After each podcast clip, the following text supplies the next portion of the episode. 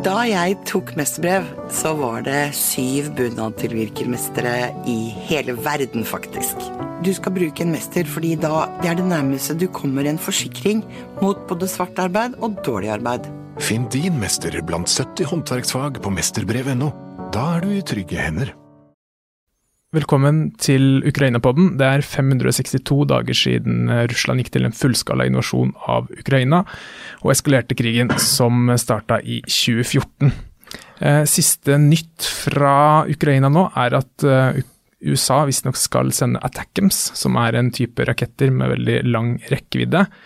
Ukraina har noen sånne, har noen raketter med lang rekkevidde fra før. De har bl.a. Storm Shadows fra Storbritannia. Og så har de en, uh, franske raketter som på en måte er tvillingbroren til Storm Shadow med lang rekkevidde. Og så skal de antageligvis få uh, noen andre raketter fra Tyskland. Men det som er kanskje den største fordelen med Attackems fra USA, er at de har uh, muligheten til å skytes opp fra HIMARS utskytningsrampene, som Ukraina har veldig mange av, og så vil det også gi Ukraina flere eh, rett og slett flere raketter å angripe med. Det vil gi større kvantum. Og som vi vet, så er det jo også sånn med våpen at jo flere, jo bedre for den styrkene som bruker det.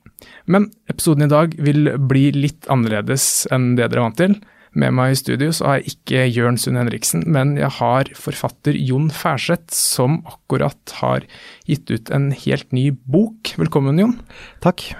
Kan du fortelle litt om den nye boka di? Hva er det egentlig den handler om? Boken heter Spesialoperasjon Russ Ukraina og Russland 2004 til 2023, og eh, den handler jo da om det som har skjedd i Ukraina og da særlig mellom Ukraina og Russland, de siste ja, 19 årene. Fordi det jeg vil prøve å si med denne boken, her, er jo for det første det at uh, krigen i Ukraina ikke begynte i februar i fjor. Den begynte i uh, ja, februar 2014, da Russland først ulovlig annekterte og invaderte den ukrainske Krimhalvøya. Og deretter startet en uh, hybridkrig i øst, som har pågått siden da. Under dekke av at det liksom skulle være en borgerkrig. Og allerede før det så har jo uh, Russland gjort forskjellige tiltak for å få kontroll over nabolandet igjen. Ja, og for, for, Du går veldig langt tilbake i, i boken din, sammenlignet på en måte hva, hva, vi gjør i norsk presse i dag. Altså, nå, det har blitt en etablert sannhet nå at krigen starta i 2014. Det er veldig få som påstår at den starta i, i 2022, eh, som, som, det var tendenser til for eh, eh ved fullskala invasjonsstart. Eh, men du går helt tilbake til omtrent da Putin kom til makten. Det stemmer. I 2004 eh, så fant det sted en uh, revolusjon i Ukraina. Det var ikke en så full revolusjon som det som skjedde på Maidan, men det var på mange måter et forsøk på noe av det samme. Da også var det en svært korrupt presidentkandidat som het Viktor Janukovitsj, altså den samme som senere ble president, og som ble styrtet under Maidan. Janukovitsj forsøkte å vinne valget ved hjelp av fusk, og han fikk eh, støtte fra Russland. Eller nærmere bestemt fra Putin, som eh, så han som sin kandidat, og eh, ja, så på dette en måte å få, å få Ukraina trygt på plass i den russiske sfæren igjen. Men folk i, det ble store protester mot dette her i Ukraina. Folk gikk til Maidan da også, det ble en teltleir der, akkurat som i 2014. Og de klarte å få opphevet valget og skrevet ut et uh, mer rettferdig nyvalg, der Janukovitsj tapte. Og eh, dette her, sammen med det som skjedde i Georgia året før, såkalte roserevolusjonen, da det også var en eh, prorussisk og svært korrupt presidentkandidat som ble avsatt, det mener jeg det gjorde at Putin ble overbevist om at dette her var vestlige kupp i hans interessesfære for å uh, ta disse landene her bort fra Russland, og fant ut at noe måtte gjøres for å rett og slett for å stanse dette her. Og det førte jo både til en uh, mye mer autoritær dreining i Russland, allerede død, men det førte også til at man satte i gang med ulike tiltak for å spre russisk propaganda, bygge prorussiske nettverk osv. i Ukraina. Ja, for uh, Putin prøvde seg på en måte først på, mm, på myk makt, da, med valgpåvirkning og uh, rett og slett godt gammeldags valgfusk. Men så sånn at det, det, slo ikke gjennom. og Det var vel også et personlig nederlag for Putin. for Det skriver du også om i boka di, at Putin var den første og eneste som gratulerte Janukovitsj i 2004, stemmer ikke det? Det stemmer, Putin satte veldig mye prestisje inn på dette her. Han dro til Kyiv for å personlig støtte Janukovitsj. Han eh, ja, han øh, sendte masse av sine politiske rådgivere over for å hjelpe ham. For å hjelpe Janukovitsj altså. Og ingenting av dette fungerte. Tvert imot så vil vel mange ukrainere si at uh, dette her gjorde at Janukovitsj fikk mindre oppslutning. For det folk uh, likte ikke at Putin skulle komme her og fortelle dem hva de skulle stemme på. Og spesielt ikke ved hjelp av valgfusk. Så det er helt klart, det var et stort prestisjetap for Putin, dette. Og uh, som han trolig koblet til Vesten, mente dette var Vestens feil. Ja, Så du tror han er overbevist om at det er eh, vestlige makter da, som står bak og saboterer hans planer i Ukraina, Georgia og andre, ja. andre tidligere sovjetstater? Jeg er ganske sikker på det. Hvis du leser Putin sitt, uh, sin artikkel fra um, 2021, den of the historical unity of Russia and Ukraine, så beskriver han jo rett og slett uh, Ukraina som en historisk del av Russland. Han skriver at uh, Ukraina har ikke noe framtid uten sammen med Russland. Og han sier at uh, det er ytre fiender som har uh, liksom skapt en kunstig ukrainsk identitet, bygd opp en kunstig ukrainsk stat, spredd liksom motvilje mot Russland der. Altså, Nesten som dette her på en måte er litt sånn umyndige barn ikke sant, som ikke klarer å tenke selv. Det må være noen andre som har liksom satt dem opp mot Russland. Og det, er, og det, er, da krefter utenfra som vil ødelegge for Russland, mener han. Men er det her si, vanlige oppfatninger i Russland òg? Altså, eh, at de tror at Vesten er den store, store fienden som vil stikke kjepper i hjulene for, eh, for stormakten Russland? Det er i hvert fall eh, tanker som har eksistert i veldig veldig lang tid i Russland. allerede under tsarene så hadde man liksom ideer om at ytre krefter prøvde å ødelegge landet. Man måtte passe seg for dem. Sovjetunionen, ikke sant. Man trodde at alt sammen som gikk gærent, det var jo da vestlige kapitalister og imperialister sin feil, ikke sant. Og så var det en del sånn tilsvarende ting som mm, i hvert fall lå der. Også på 90-tallet, om at uh, Sovjetunionens fall, ikke sant.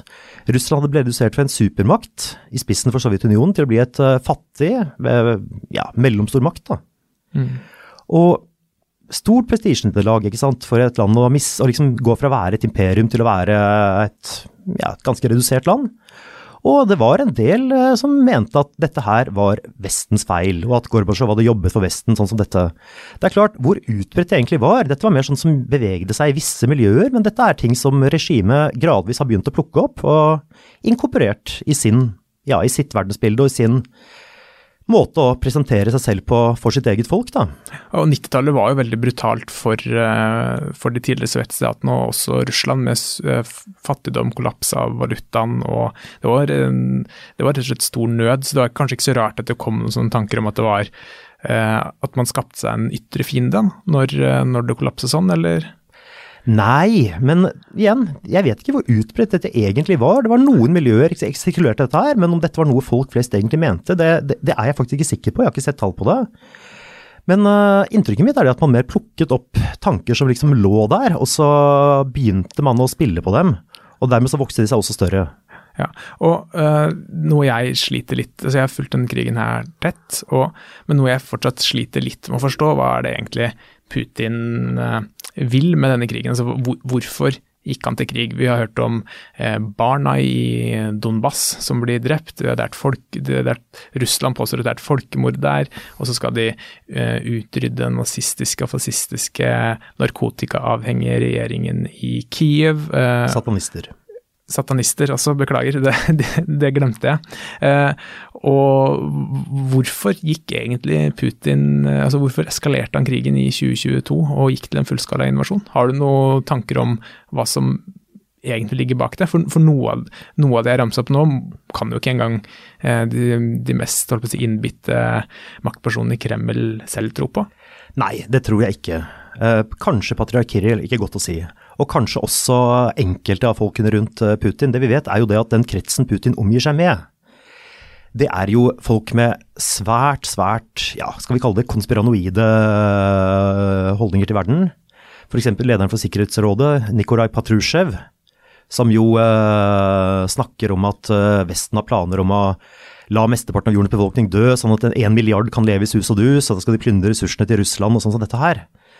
Så, men jeg tror at det rett og slett handler om at denne her lille klikken her har isolert seg mer og mer og mer og mer. Og eh, Putin har uh, sett at det gikk ikke med det gode. ikke sant? Han, det gikk ikke med myk makt. Uh, ukrainerne var ikke interessert i å bli å liksom komme tilbake i folden på en eller annen måte. Ikke nødvendigvis som en del av Russland, men som et ja, i en tett omfavnelse, da skal vi si det sånn. De var ikke interessert i å bli med på hans prosjekt for økonomisk integrering eller politisk integrering. Tvert imot så gjorde de opprør to ganger. Og eh, så forsøkte man med en, eh, å se om man kunne liksom mørne de, så å si, ved å eh, ha det gående en åtte år lang krig i øst. Som jo var en stor påkjenning for det ukrainske samfunnet. Hjalp ikke det heller. Tvert imot så dyttet man egentlig bare ukrainerne mer fra seg med dette her. For de har jo blitt vestligere og vestligere siden 2014 ja, de har også. Det. det er jo også en ting her. Det er jo det at Putin har jo egentlig egentlig Hun slutter ikke drite på draget nesten fra første stund av. altså Alt han har gjort for å prøve å øh, liksom ta Ukraina inn i, inn i folden igjen, har jo egentlig bare støtt ukrainerne lenger og lenger vekk. Det er det som har skjedd. Så um, på et tidspunkt så tror jeg han bare rett og slett, tror jeg han og folkene rundt han rett og slett bare ble sittende igjen og si at nå er det bare én ting å gjøre, og det er rå makt. Og så hadde man kanskje et håp om at flere ukrainere enn man trodde kom til å støtte dem, eller i hvert fall forholde seg nøytrale, at Ukraina kanskje ville kollapse litt sånn som regjeringen hadde gjort i Afghanistan, ikke sant? At dette bare var liksom et vestlig innsatt regime. Det viste at det var det jo slett ikke. Kanskje var det dårlig etterretning inne i bildet. Så har jo også en eh, russisk eh, journalist som heter Mikhail Sygar en ganske skremmende teori, da. Som er rett og slett at Putin ble radikalisert under pandemien. At Putin da isolerte seg. ikke sant? Han var jo veldig, veldig lite eh, offentlig i de to årene der. Han gjorde jo ikke noe særlig for å på en måte lede arbeidet mot pandemien, sånn som en normal statsleder da burde ha gjort. ikke sant? Stått på TV og sagt dette her skal vi klare, og uh, nå må vi bare stå sammen og følge reglene, så skal dette her gå bra. ikke sant? Han gjorde ikke det. Og uh, I stedet så isolerte han seg stort sett på landstedet sitt, uh, skriver Sygar, sammen med en uh, venn, en uh, russisk oligark jeg ikke husker navnet på akkurat nå, som var, var en ja, russisk-ortodoks mystiker, fundamentalist, med et svært, svært sånn, med ganske sånn sterke antivestlige holdninger. Og at de rett og slett da satt og, og fordypet seg i russisk historie sammen. Og radikaliserte hverandre, rett og slett. Det ble et slags ekkokammer med bare Helt de to? Helt riktig. Samtidig som det også var et ekkokammer i den lille kretsen rundt Putin. Uh, trolig så var det jo ja, Nikolai Patrusjev og, annen i, og noen andre der som først ble, fant ut at nå må vi slå til mot Ukraina. Vi må gjøre det nå. Og fikk Putin med på dette. Og det er klart det er en viss logikk i det også, ikke sant. Uh, det var jo på et tidspunkt hvor Nato hadde gått på et kraftig nederlag i Afghanistan. Det var splittelse i alliansen. Uh, Ukraina beveget seg sakte, men sikkert vestover. De rustet opp, ikke sant. Eh, Putin selv kom til, være, kom til å fylle 70 år snart. Det var liksom på tide å gjøre noe nå, hvis han skulle liksom gå inn i historien som en ny Peter den store eller Stalin som liksom hadde samlet Russland igjen. At på en måte alt dette på en måte da gikk sammen, så å si, og førte da til at man bestemte seg for at nå gjør vi det med våpen. Ja, og det var nå det, nå det passa, rett og slett? Ja, nå det passa, og nå eller aldri også. Ja. Og, og, det har vi også sett uh, de bildene som har kommet fra Putin under pandemien. så har liksom, og litt det vi kan si i etterkant, da, rett før krigens utbrudd, så var dette berømte bildet hvor Putin uh, sitter i møte med Macron, altså mm. Frankrikes president, hvor de da sitter på at to, kanskje det er mer enn to meter, og det er mange meter langt bord, hvor Putin sitter i den ene enden av bordet, og så sitter Macron på den andre. og Du ser liksom det er jo et, det er et enorm avstand mellom de, og det, det eh, ga jo også grobunn for disse spekulasjonene om at Putin var veldig veldig redd for å bli smitta. Og det går også rykter om at eh, de som skulle møte Putin under pandemien, måtte være i en 14 dagers karantene på forhånd. Ja. Og det var også da for å eh, hindre at han skulle bli syk, for han var veldig veldig redd for viruset. Er det enkelte som mener, da, uten at det her eh, har latt seg dokumentere, for Putin selv eh, har jo ikke kommentert, kommentert det her. Dette blir jo spekulasjoner, selvfølgelig. Men jeg tror i hvert fall ikke vi være, kan være ganske sikre på, det er at, uh, den russiske, at Putin og den kretsen hans har blitt mindre og mindre og mindre. I starten så omga han seg jo med veldig mye forskjellige folk, ikke sant. Det var, det var alt fra ja, forholdsvis liberale folk, det var markedsøkonomer, det var uh, folk ved en litt mer demokratisk innstilling, da skal vi si det sånn. Det var folk som var pragmatikere, og det var folk som var radikale nasjonalister, selvfølgelig. Mens særlig fra eh, Putin sitt comeback som president i 2012, var det vel? Ja, riktig. Så uh, har vi jo sett at det har vært en veldig veldig konservativ dreining og en autoritær dreining der.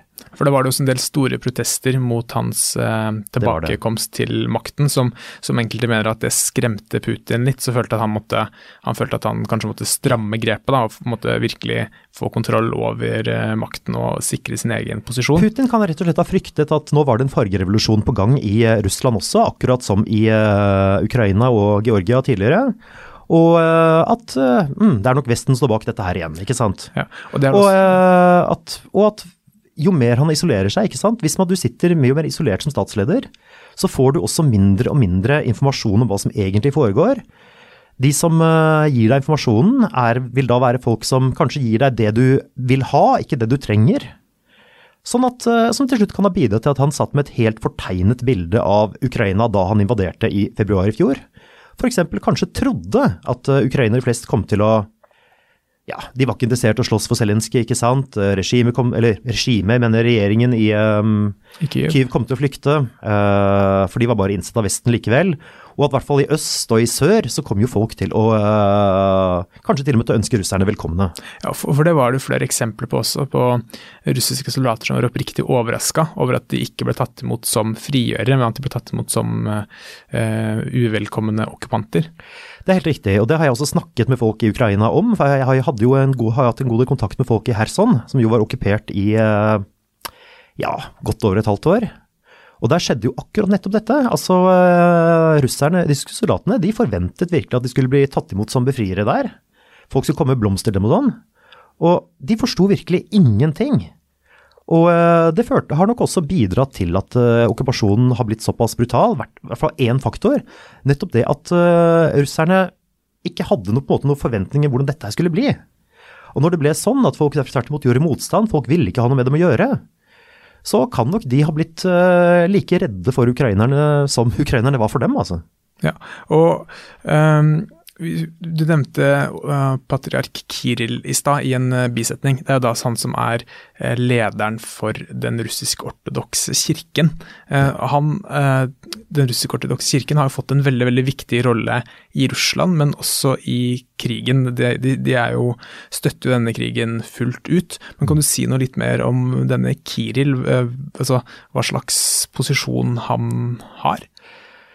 Kiril, eh, i likhet med de fleste andre høytstående geistlige i eh, den ortodokse kirken, det gjelder ikke bare i Russland, det gjelder jo også for så vidt i Ukraina. Altså de fleste høytstående geistlige over en uh, viss alder har nok vært ganske godt knytta inn i sovjetregimet på en eller annen måte. For Det går vel noen rykter om at han, at han egentlig er en, eller var en KGB-agent, har jeg lest, ja. men, men, det er jo sånn det som, det som, skjedde, var jo det at den ortodokse kirken, altså kommunismen var jo, var jo, er jo ateistisk. Så uh, man, eh, for, man, forsøkte først å forby kirken, forfølge den, men uh, under andre verdenskrig så kom det til en viss sånn, skal vi si, det tente mellom staten og kirken. Den ble anerkjent som organisasjon, de fikk lov til å operere forholdsvis fritt, med, under veldig strenge begrensninger selvfølgelig, og ble jo selvfølgelig gjennomsyret av, som du sier, KGB. Det ble også en måte å utøve mykt makt på i utlandet, bl.a. gjennom Kirkenes verdensråd, der den ortodokse kirken spilte en viktig rolle. Og eh, på mange måter kan du si målbar et sovjetisk budskap da, om at Sovjet ønsket fred osv. Og, og at det var ikke det religiøs forfølgelse i Sovjet osv. Så videre, sånn som dette.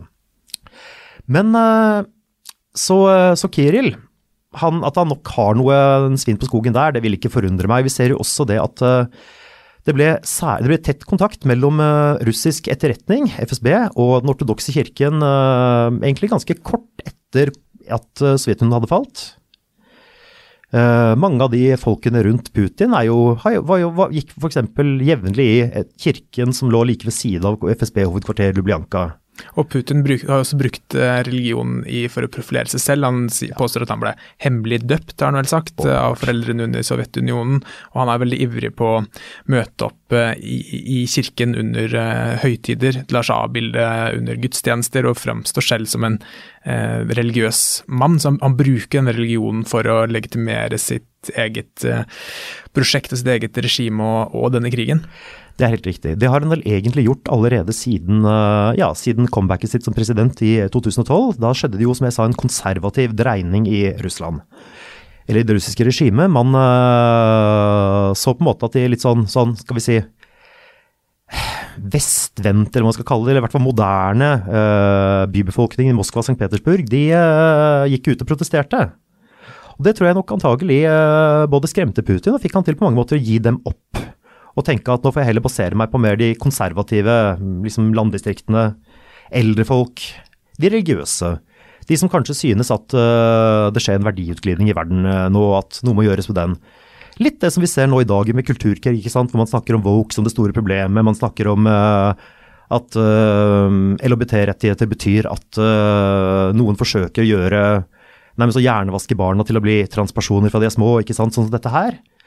Og fikk på en måte noe han kunne spille på der. Vi så f.eks. det kort etterpå i form av en lov mot såkalt homoseksuell propaganda, som gjorde det ulovlig å informere mindreårige på en nøytral måte at det, noen mennesker er homofile, og det er greit.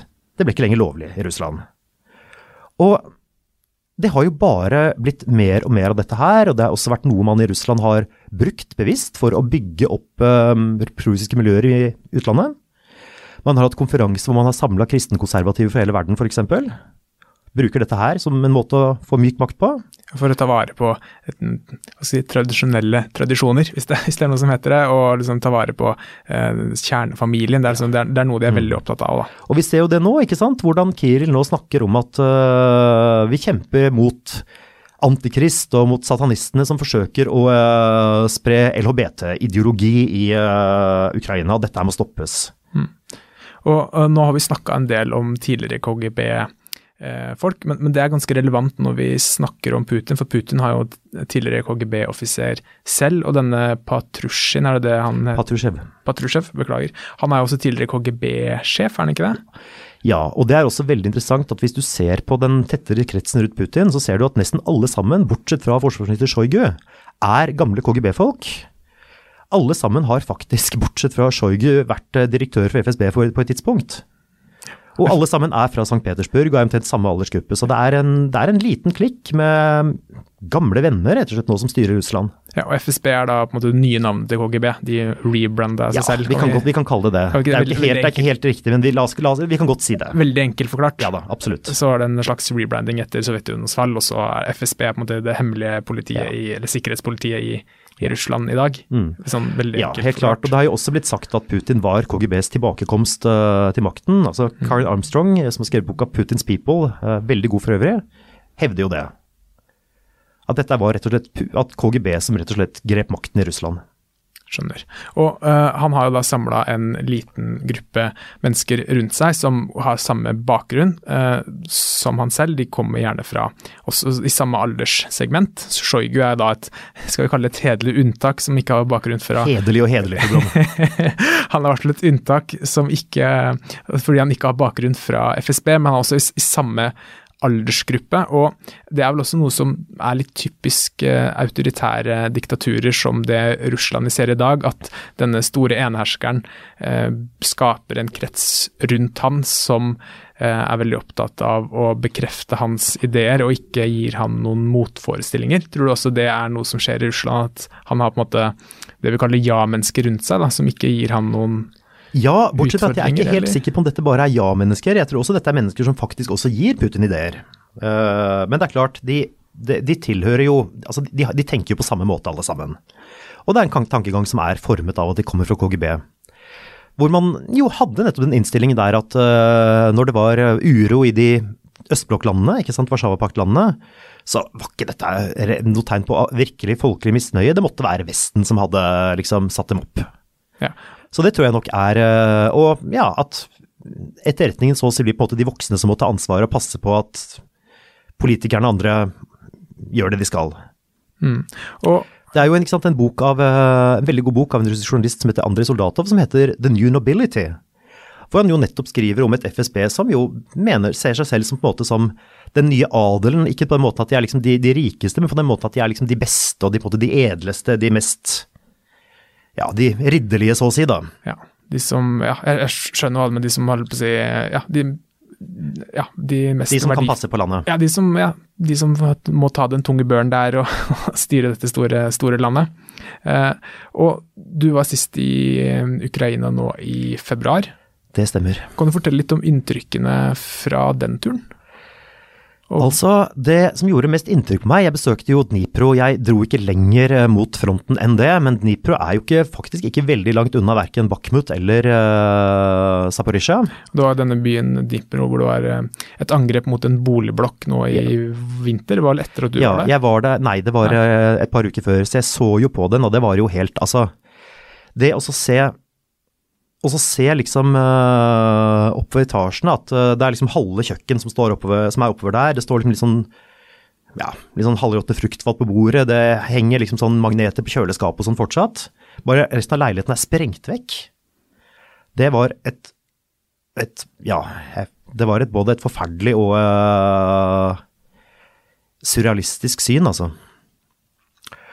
Men det som gjorde mest inntrykk på meg der likevel, det var vel å høre hvordan folk der hadde på en måte Altså hvor mye frivillige initiativer det var, både for å eh, hjelpe folk når det hadde vært eh, Når det hadde skjedd angrep som dette.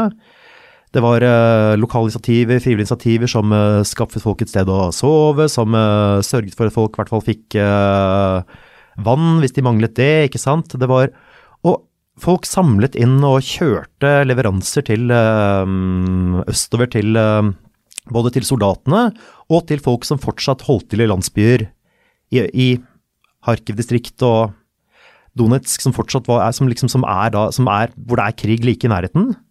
Fikk se annet et video fra en som viste meg, hvor det, hvor, hvor liksom, det kom en rakett flygende over mens han sto og delte ut pakker med mat til folk, altså.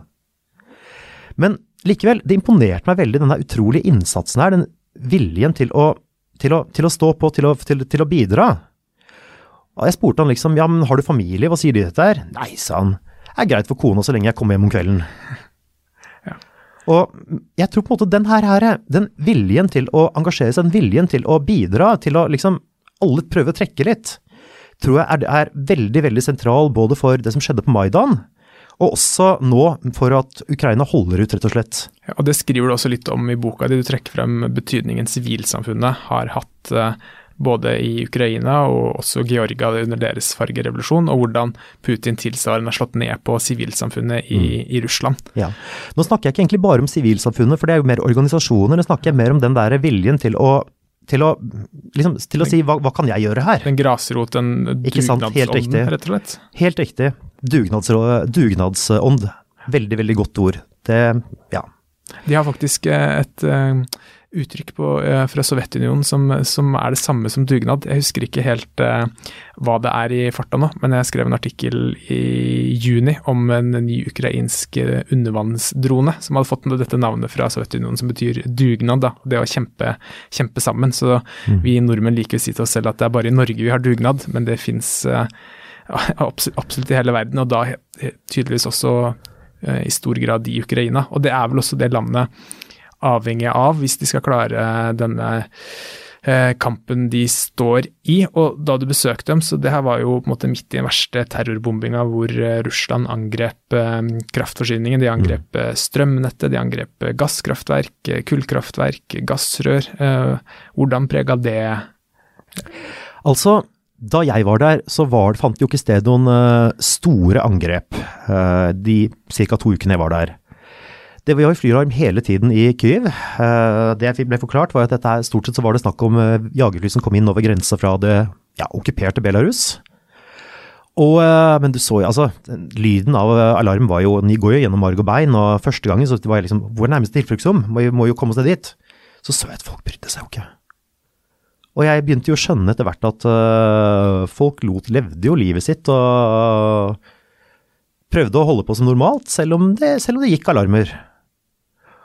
Og øh, jeg kan ikke si jeg klarte å venne meg til det, men øh, det var faktisk overraskende normalt liv både i Kyiv og Dnipro. Og kan du, du har jo flere ukrainske venner og, og, og bekjente, og kan du fortelle litt hvordan de har levd livene sine etter eh, 24.2.2022? Det varierer jo veldig. En eh, venninne av meg, eh, bydelen hun bor, så hun og mannen satt jo eh, i gangen i flere dager, for det var det eneste stedet hvor det ikke var vinduer. Ja, for det er, en- det er en greie at du skal, du skal plassere et rom uten vinduer, og så skal du helst ha én vegg mellom deg og ytterveggen, da, for det, måte, det, det Mm. gir ekstra beskyttelse. Ikke sant. Og de hørte jo, da hørte jo de skyting utafor. Da var det jo Det var jo Obolon, ikke sant, en bydel hvor russerne kom seg så vidt inn. Ja, i Kyiv. Ja, i Kyiv, ja. Og eh, jeg var jo i kontakt med henne og liksom hørte om dette her, og det var jo helt fryktelig, altså. Men, det, men og, mens andre Ja, det går jo selvfølgelig veldig inn på dem. De er jo i krig, og det er jo forferdelig. Mens andre har vel hatt dette forholdene ganske greit. Jeg kjenner vel bare Eller ganske greit er selvfølgelig forferdelig feil ting å si, det er jo ikke greit i det hele tatt. Nei. Men um, Jeg, jeg, jeg, Ikke merket på den mener. måten. De har, de har ikke fått huset sitt bomba, eller ikke sant? De har hatt det etter forholdene greit, er jo, men helt forferdelig fordi landet er invadert. mm, Kan vi- Ikke sant, det er vel en si god sånn? måte å oppsummere det på, ja. Ja. Du, du sa det bedre enn meg. Nei, jeg syns du sa det greit òg, men da har vi i hvert fall fått rydda, rydda opp det. Mm. Uh, men så, så de har på en måte klart å fortsette Uh, livet sitt til en viss grad, Det har de. høres ut som. Men Nå har, har jeg også blitt kjent med folk i andre steder i Ukraina, f.eks. da i Kherson. Og der, var det jo, eh, der har det jo ikke vært greit i det hele tatt, ikke sant. Det var jo først en eh, helt fryktelig okkupasjon. Russerne annekterte jo disse områdene her. De eh, ville jo gjøre både de og innbyggerne russiske, enten de ville eller ikke. For de fikk jo da utdelt altså, tilbud da, om, om russisk pass, blant annet, og det var vel Svært få som tok imot. Yes. Men nå har det jo blitt verre. Vi, vi ser jo nå f.eks. at folk nektes, eh, nektes livreddende eh, legehjelp. Du får vel ikke insulin, Insulin, blant nei, hvis ikke de har eh, russiske pass. Ja. Men på den tiden var det vel kanskje ikke fullt så ille som dette, men det var jo sånn at øh, jeg skulle jo f.eks. Uh, snakke med en person i Kherson en dag. Fikk beskjed, liksom en melding om at øh, jeg kan ikke snakke nå. Liksom, stedet jeg jobber er fullt av orker, som, som hun skrev. Mm. Altså Orker er det vi kaller Ja. Og jeg mener, jeg satt, jeg var jo, jeg ble jo så redd. Jeg tenkte jo det at ok, tenk om, tenk om de sjekker meg, tenk om de finner ut at hun er i kontakt med meg. Dette kan jo bli, altså, hva har jeg gjort, ikke sant? Altså, tenk om jeg blir arrestert, tenk om det er min feil. Så, øh, og nå, ikke sant, Herson, ok, Herson har blitt, øh, ble befridd, men det første russerne gjorde var jo å sette i gang med massiv øh, bombardering. Og faktisk så gikk jo russiske soldater rundt i dagene før de trakk seg ut og bare sa til folk der at bare vent, vi skal gjøre den byen her til et nytt Mariupol. Så ikke gled dere nå, liksom. Ja, Det var lovnaden før de, før de trakk seg ut. det var det russiske soldater gikk rundt og sa. Og selv om det ikke har blitt noe nytt Mariupol akkurat, så har det jo blitt veldig, veldig ille der med stadige angrep. Også denne her eh, demningen som ble sprengt, ikke sant, som har gjort det har vært en økologisk katastrofe. Jeg skal ikke prøve å uttale navnet, det er for Kafka. Kafka-demningen, eh, som var eh, Den var i hvert fall helt, helt enorm. Den ble sprengt på slutt Det var i sommer en gang, om det var Ja, i juli? det var i juli, tror jeg det var. Jeg tror det var i juli, ja. Og da det var en enorm eksplosjon som gjorde at den, den sprang, og det Jeg vet ikke hvor mange som mista livet som direkte følge av flommen, men det er noe som vil påvirke Ukraina i mange, mange mange år Ikke bare Ukraina, det vil påvirke alle landene rundt der. Altså all den forurensningen det førte med seg, ikke sant. For man spill, olje, kjemikalier, alt mulig som ble skylt ut. Og ikke minst miner er det en del som har sagt Miner, at ja. Uh, dette var jo et uh, naturreservat er ødelagt, og det påvirker jo også kystland, kysten i landene rundt. Det er litt en forferdelig katastrofe, dette her. Ja, og det er eh, og det er jo ikke bare å bygge opp igjen heller. Det er ikke sånn at du kan eh, bygge opp igjen denne demningen i løpet av noen måneder. Det, det er enormt eh, mye som skal til for å, for å bygge den opp igjen. Og så vil det ta sagt mange, mange, mange år før ja, rett og slett disse katastrofale miljøkonsekvensene vil eh, ja, forsvinne, eller vil, at det vil begynne å bli bedre igjen. Ja, det er riktig. Og så er jo deler av Kherson og Zaporizjzja fortsatt okkupert, i tillegg til uh, Donbas. Og, Og det er jo faktisk en del, en sånn, det er jo en sånn ganske sånn forferdelig ironi i dette her, ikke sant. Altså Putin uh, påstod han skulle redde menneskene i Donbas. Uh, I stedet, hva er det han gjør? Jo, han legger jo området der fullstendig i ruiner. Drept flere titalls tusen mennesker. Mariupol, ikke sant, andre steder. Det er uh, Masse folk har flyktet. Altså, dette er jo Han har, han, han, har rett og slett etterlatt en ruinhaug i det han skulle redde. Mm. Og mens vi snakker nå, i dag er det lørdag 9. september, og da er det vel uh, valg i disse okkuperte områdene. Ja. Eh, hvor eh, de da skal stemme på lokale ordførere og guvernører, og det er sånn lokalvalg i Russland, og også da i disse fire ukrainske fylkene som ble annektert mm. i september Nei, det var i, det var i fjor en gang, i hvert fall. Jeg tror det var i september. Oktober. Oktober ja. I, I, fjor høst, mm. kan vi ikke si det sånn? Jo, det kan vi. Eh, og men eh, annektert, for det er jo en ulovlig annektering, og yes. eh, ingen, det er jo ingen land selv ikke Russlands uh, få venner som anerkjenner dette her. Ja, knapt nok Eritrea vel, og Nord-Korea. Ja, kanskje Eritrea og Nord-Korea. Muligens, men uh, når det er det eneste vennen du har med deg, så stiller du kanskje ikke så sterkt. Men uh, hva, er det, hva, er det, mm, Putin og regimet hans ønsker å oppnå med å ha disse avstemningene? For de vet jo at det er ingen i Vesten som tar det her på alvor. Nei, og vi må jo regne med det at de kommer til å gjøre det samme som de gjorde under den såkalte folkeavstemningen uh, før den annekteringen her, ikke sant? Hvor folk ble tvunget med, nærmest med våpen til å, til å stemme. Ja, eller truet med at de skulle miste, komme til å miste husene sine hvis ikke de gjorde det, eller ble arrestert. Og uh, ikke, ikke, overraskende ga Russland over 90% flertall for annektering. Og det er jo sikkert det samme som vil skje her også, at Russlands kandidater kommer til å få sikkert sånn den typen flertall som du ellers bare finner i diktaturer. Ja, og da Det, det sier sitt. Eller ellers bare finner som du finner i diktaturer. Ja.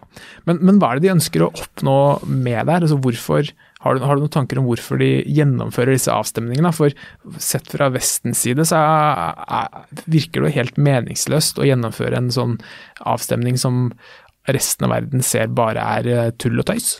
Det tror jeg eh, Ja, nei, det kan man virkelig, virkelig lure på. Jeg tenker at det er vel en kombinasjon av for det første litt sånn legalisme, at ja, men nå er dette en del av Russland.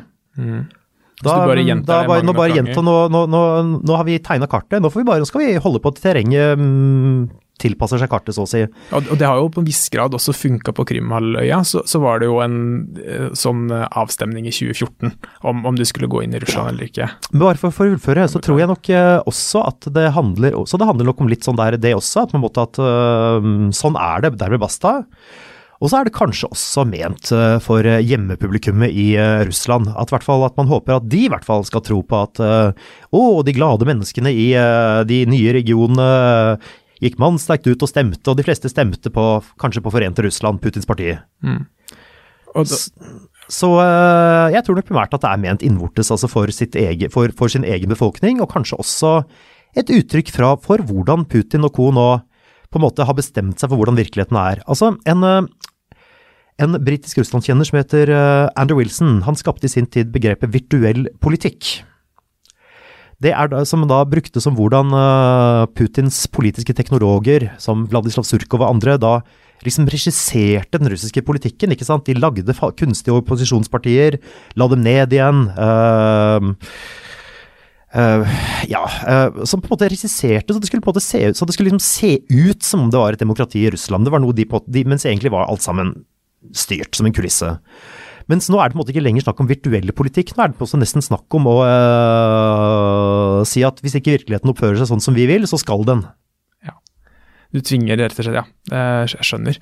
Og eh, det jeg var litt inne på i stad, med denne folkeavstemningen på Krimhalvøya i 2014, hvor man hadde en avstemning om man skulle bli en del av Russland eller ikke. Eh, den var jo like altså den var like illegitim som den eh, eh, avstemningene som har vært i de okkuperte områdene nå i 2022 og 2023.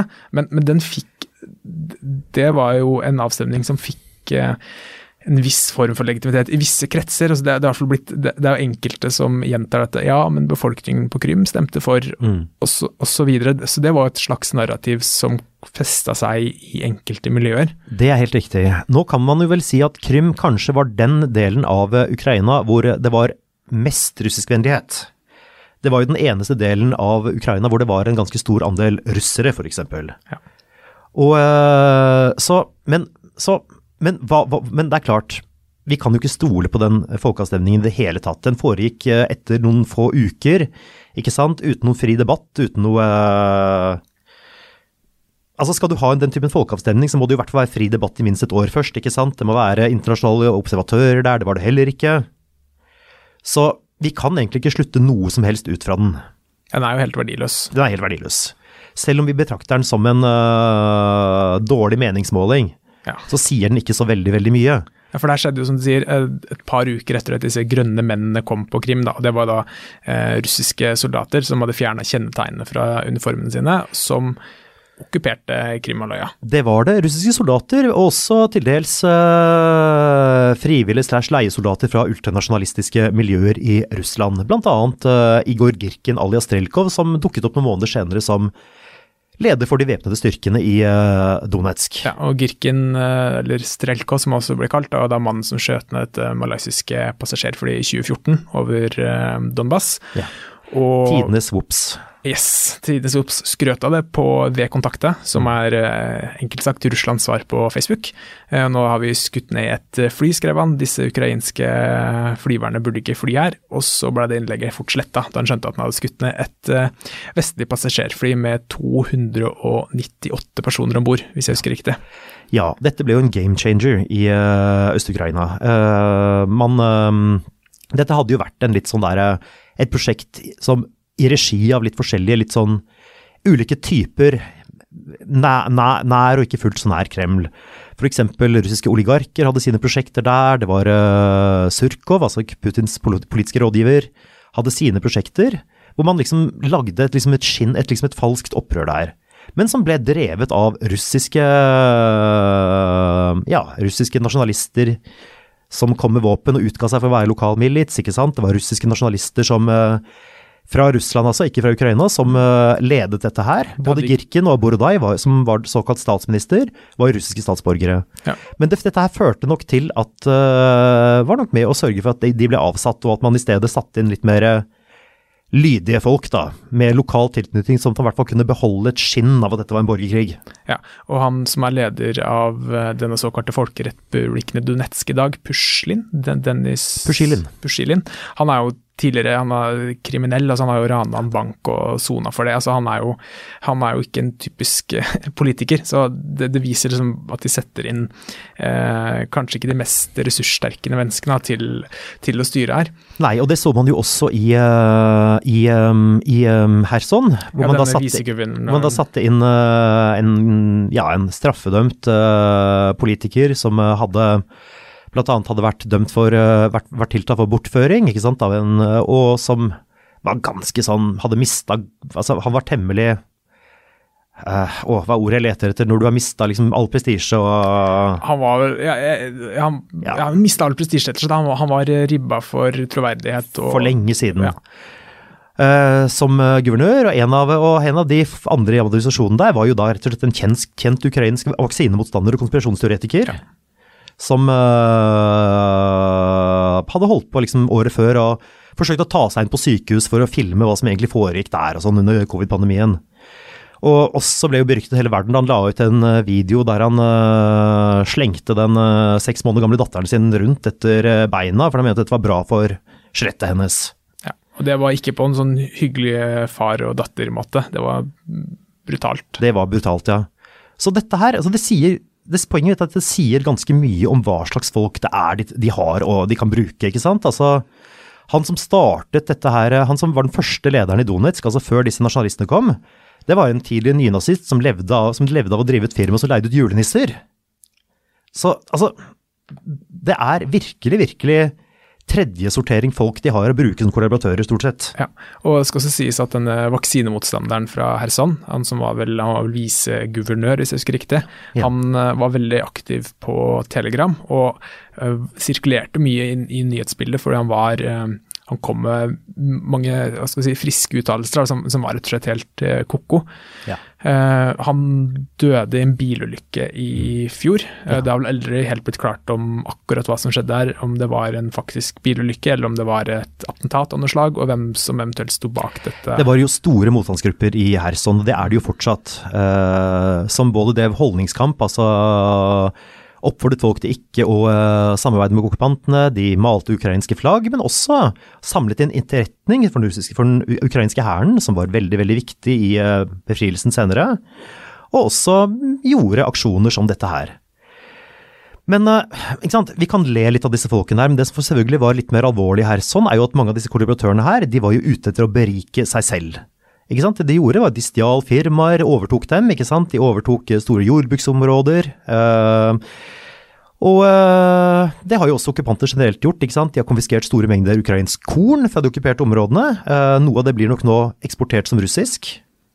Så det er virkelig, virkelig eh, en forferdelig okkupasjon. Det er på alle måter. Ja, et, et, eksempel jeg husker fra i fjor, så var det en ukrainsk bonde som gikk ut og sa at han hadde mista traktoren sin. Det var en moderne John Deere-traktor som ja. kosta Det her koster jo noen millioner kroner. Eh, det, det er dyrt, eh, dyre traktorer. Og han hadde GPS-sporing på den, og den var plutselig i Tsjetsjenia, på et jorde der. Ja.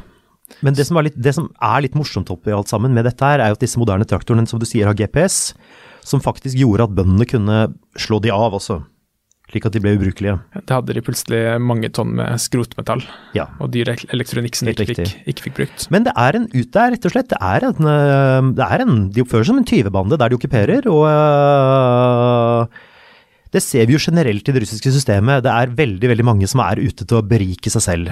Det ser vi jo uh, også i hæren. Og det viser, det viser seg jo også at når de skulle invadere Ukraina, så var det veldig veldig mye som gikk galt, rett og slett fordi at såpass mye materiell hadde blitt stjålet i årenes løp. Utstrakt korrupsjon, det var stridsvogner som mangla motorer fordi de hadde stått lagra siden Sovjetunionens fall. Og så var det penger på å stjele både deler og hele motorer, så da var de, var de stjålet. Så de hadde, hadde, rett og slett eh, panser uten motor og uten drivstoff og uten olje. og Det har bare stått og rusta i, i, i, mange år. Det var mange eksempler på det. Så Russland er, Man snakker om at det er mye korrupsjon i Ukraina, og, og de har problemer med korrupsjon, men korrupsjonen i Russland ser ut til å være på et helt annet nivå. Ja, og Den går helt til topps også, ikke sant. Altså, det er jo ikke bare um, offiserer og menige som stjeler, det er jo forsvarsministeren som har bygd palasser for seg selv. Putin som har gjort seg selv til en av, uh, om ikke verdens, i hvert fall Europas rikeste menn. Mm. Du kaller det jo i boka di et kleptokrati, altså en tyv, tyveristat. Eller tyveristyre. Det er stats, stat uh, styrt av tyver.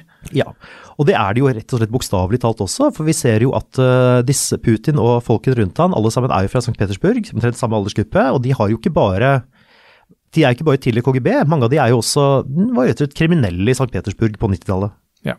Uh, og så syns jeg vi skal snakke bitte litt mer om Igor uh, Girken, som vi nevnte i en forbisetningsdag. Skal ikke si så veldig mye, men det var dette mannen som skjøt ned et passasjerflyet som fløy fra Nederland til Malaysia med en russisk missil. Altså det var det dokumentert at det var et missil som var kontrollert av den russiske hæren.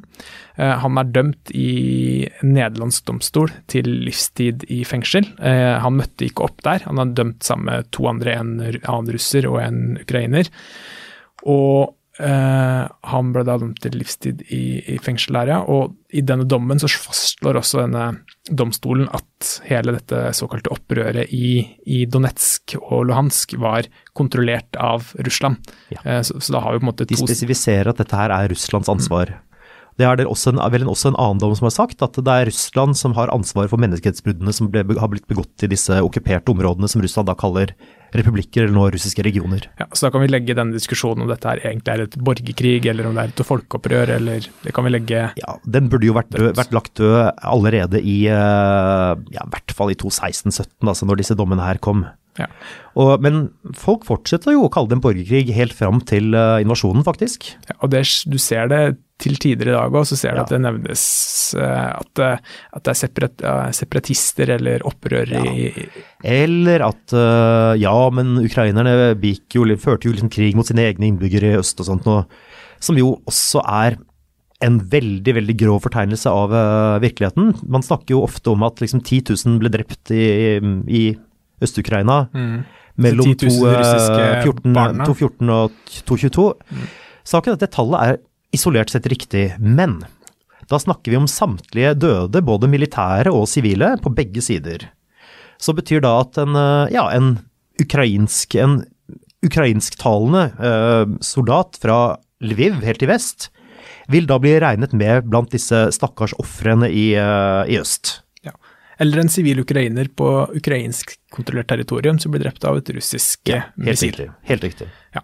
Uh, og for å avslutte denne Girkin-passiaren, da. Så han sitter nå fengsla i Russland. Eh, sikta for å, om det var å fornærme hæren eller sånt. Han har vært en veldig sterk kritiker av det russiske regimet, så han eh, ja, sitter fengsla der. Han har jo vært en øh, Han var jo en løskanon helt ved starten av. Altså Som jeg sa, han var jo med på å øh, Først på å annektere Krim.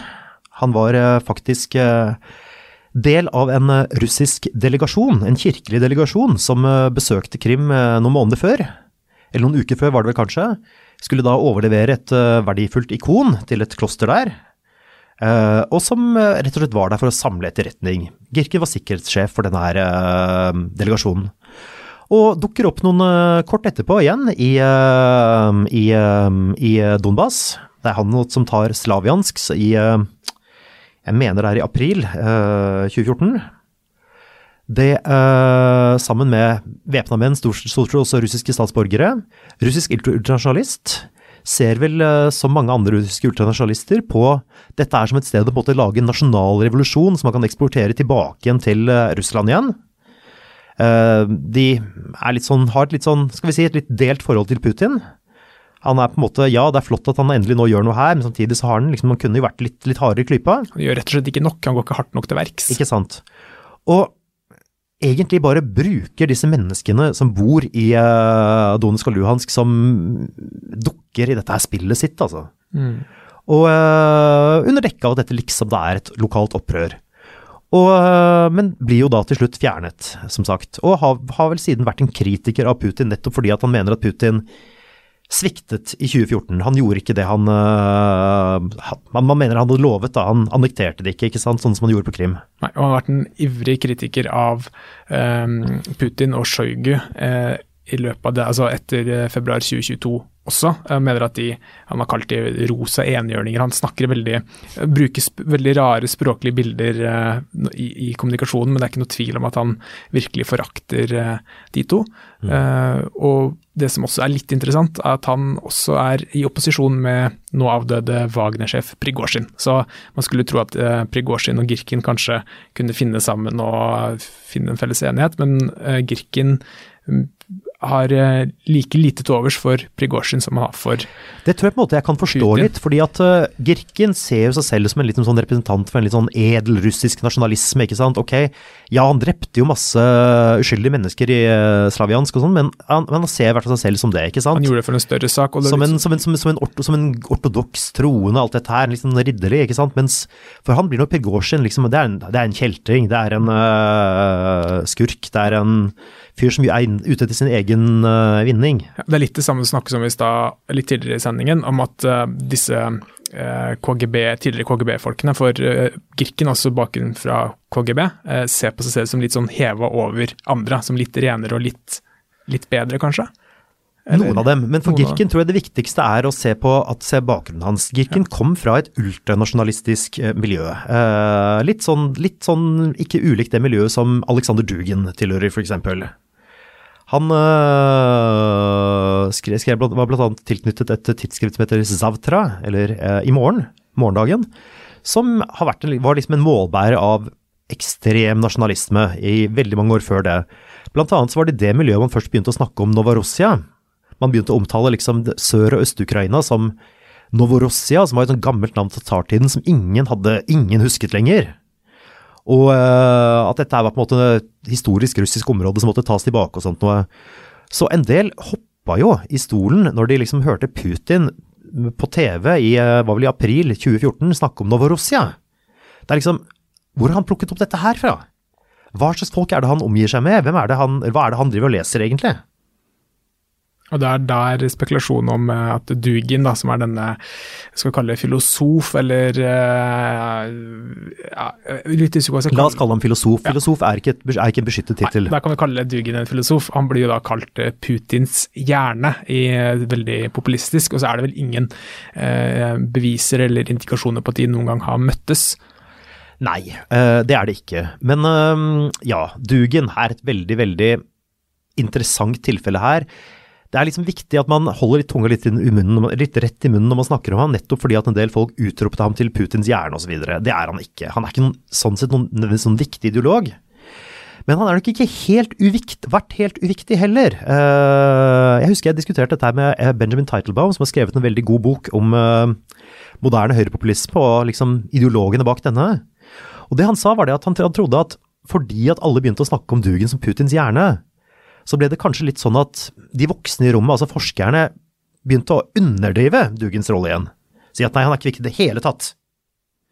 Mens sannheten er kanskje er litt sånn litt midt imellom, kanskje nærmere uviktig enn viktig, men likevel litt midt imellom. Vi vet f.eks. at Patrusjev, altså lederen for Sikkerhetsrådet, trolig den som har mest påvirkning på Putin, han har jo sitert Dugin. Han har åpenbart lest Dugin. Og øh, vi ser jo også at sant, begrepet Novorossia kommer inn. Hvor kommer det fra? Det kommer i hvert fall fra det samme ultranasjonalistiske miljøet som Dugen tilhører. Så noe påvirkning har det nok vært fra det miljøet der. I hvert fall sånne ideer siver litt hit og dit. Det betyr ikke nødvendigvis at Putin har lest dette eller vet hvor det kommer fra, men at det, liksom, det, er, det er, tanker som sprer seg fra dette, dette ultranasjonalistiske miljøet og oppover, eller, og inn i ja, de dypeste kretsene og... i, i, i, Kreml. Ja.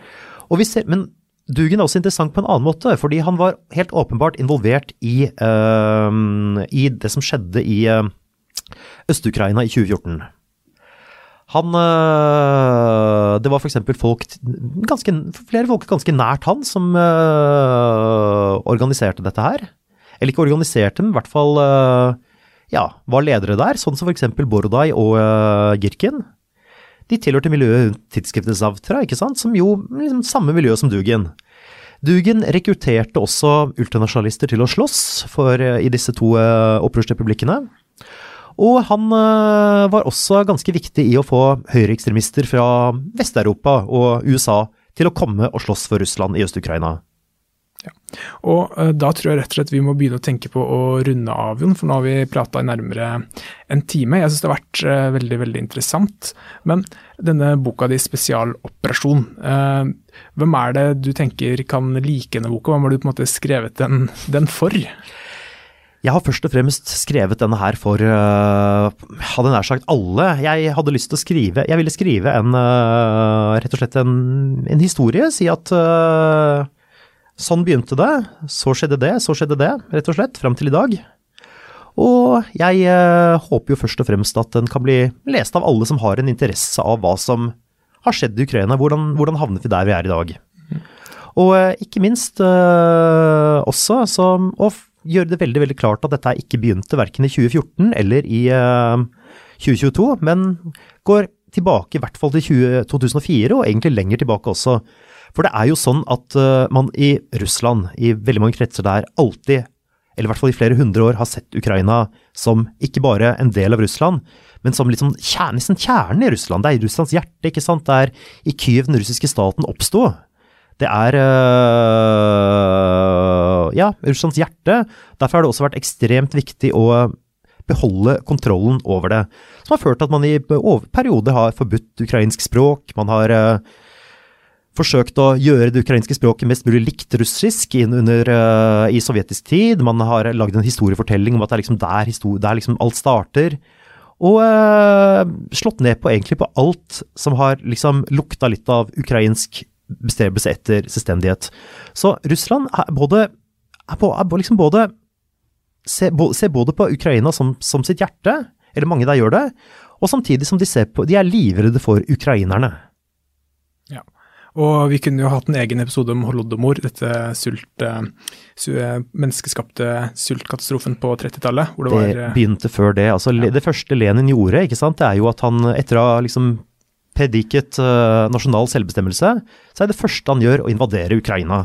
For at ikke de skal klare å løsrive seg. Jepp. Så det, da får du heller komme tilbake, så kan vi prate mer om det. Tusen takk for at uh, du kom hit, og da runder vi av. Vi er tilbake med nye episoder til uka. Da er det Anders og Jørn som styrer showet. Jeg blir eh, borte fram til og med desember, men fikk sneket med en ekstraepisode denne helgen her. Det er veldig stas. Hvis du har noen tilbakemeldinger, så send oss gjerne en e-post til ukrainapodden krøllalfa nettavisen.no. Eh, hvis du har spørsmål om krigen i Ukraina, så tar vi gjerne imot det. Eller hvis du har eh, forslag til andre gjester vi kan invitere til podkasten, så tar vi gjerne imot det også. Og husk å like showet, eller gi oss fem stjerner hvis du mener vi fortjener det. Og følg showet på podkastplattformen din, så du får varsler når vi slipper nye episoder. Takk for meg.